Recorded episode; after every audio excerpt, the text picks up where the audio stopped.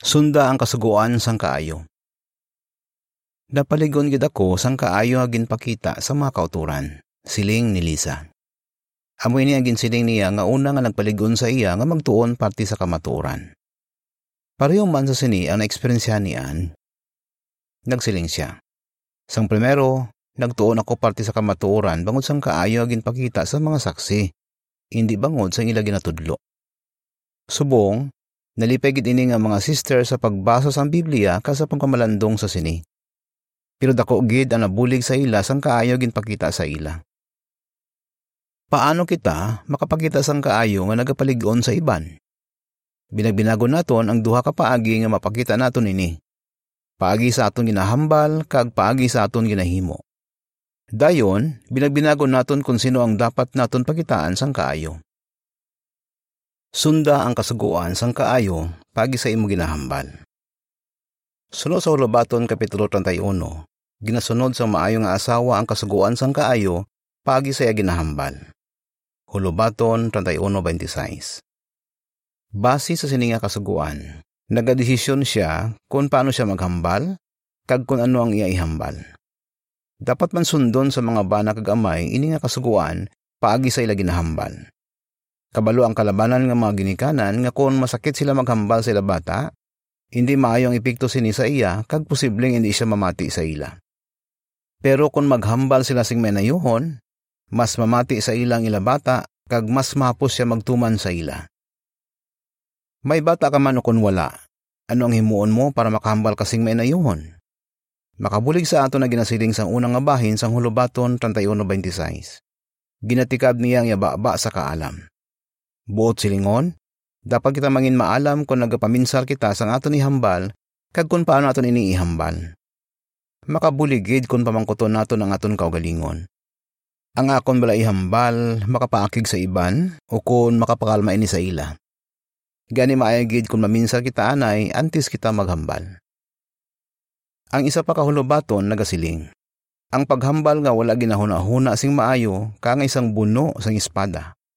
Hulubaton 12.18 Kung hunahunaon nato ang posibleng epekto sa iban sang aton ihambal kag sang paagi sang aton paghambal, mapaligon kita sini nga hindi magpadaso-daso sa paghambal. Para masunod nato ang kasuguan sang kaayo, hindi kita dapat maghambal sa makasakit sa iban. Hindi kita dapat maghunahuna ka maghambal sa hindi maayo. Sa baylo, huna-hunaon naton kung ano ang makapaligon kag maghambal kita sing mainayuhon. Parte sa sini, Nagpakita si Jehova sang maayong halimbawa sa ginpasalig niya ang ialagad nga si Elias nga nahadlok sadto. Ang anghel nga nagarepresentar kay Jehova naghambal sa kalma kag mahinay nga tingog. Unang hari 19:12. Pero ang pakita nato ng kaayo, hindi lamang pagi sa paghambal sing mainayuhon. Dapat man naton ipakita ang kaayo pagi sa aton ginahimo. Paano? Mapaligon ang iban kung magpakita kita sang kaayo pagi sa aton ginahimo. Ginailog naton sa Jehova kung nagapakita kita sang kaayo, pagi sa atong ginahambal ka ginahimo. Parti sa kaayo ginpakita sa mga saksi, amoy niya ginsiling ni Lisa ginsambit kaina. Sanggol pilang ginsilingan ang amon pamilya nga dapat na kami maghalin sa amon ginaistaran, duha ka mag-asawa sa kongregasyon ang nag-day off sa ila trabaho para buligan kami nga mag-impaki.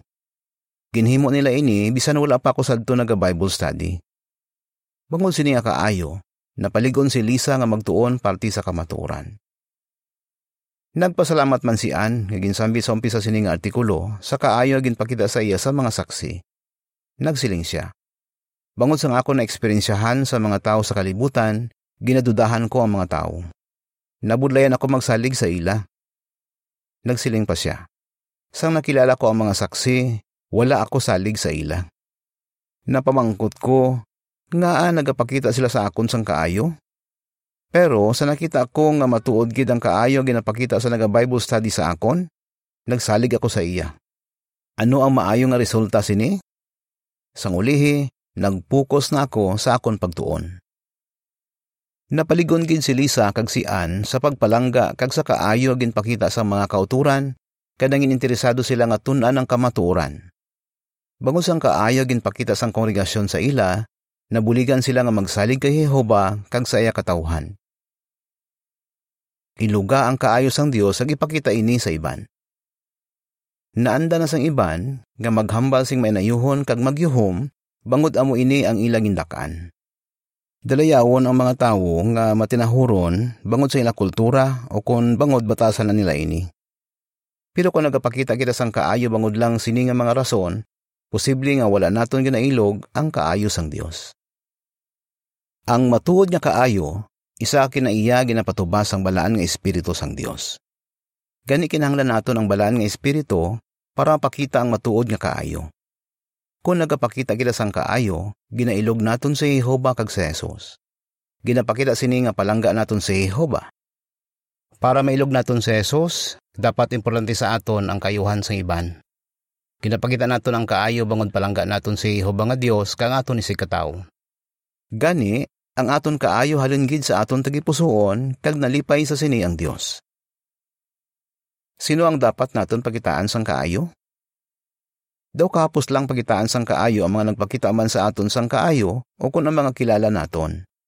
Mapakita naton ini kon pasalamatan naton sila. Pero ano abi kon pamatsyag naton, hindi bagay pagitaan sang kaayo ang isa katawo. Binagbinagay ni. Si Jehovah ang pinakamaayo nga halimbawa sa pagpakita sang wala tupong nga kaayo, kag may importante kita nga matunan sa iyapulong kung paano niya ginpakita ini nga kinaiya. Madamo nga beses nga mabasa sa Kristiyanong Grigong kasulatan ang ekspresyon nga wala tupo nga kaayo. Ini nga ekspresyon nagapatuhoy sa kaayo nga ginapakita sa isa nga hindi bagay pagitaan sini. Paano kita ginapakitaan sang Dios ang kaayo? Ginapagitaan ni Jehovah sang kaayo ang tanan nga tawo pagi sa paghatag sa ila sang ila mga kinanglanon para mabuhi sila. Ang matuod, antes pa naton makilala si Jehovah, ginpakitaan na niya kita sang kaayo. Halimbawa, ginhatag niya para sa tanan nga tawo ang iya pinakamaayo nga amo ang iyabugto nga anak. Nagsiling si Apostol Pablo ang ginhatag ni Jehovah ang gawad suno sa kabuganaan sa iya wala tupong nga kaayo. Efeso 1:7 Kag bisan pa makahimo kita sang sala kag mapasubo naton si Jehovah, padayon niya kita ginagiyahan kag ginatudluan. Malulo niya ini nga ginahimo pagi sa panudlo kag mga pulong nga daw pareho sa talithi nga nagatupa sa hilamon. Deuteronomeo 32.2 Hindi gid naton siya mabayaran sa tanan nga kaayo ginapakita niya sa aton. Kagkabalo kita nga kun wala nagpakita si Jehovah sang kaayo sa aton, wala gid kita sang paglaom sa palaabuton.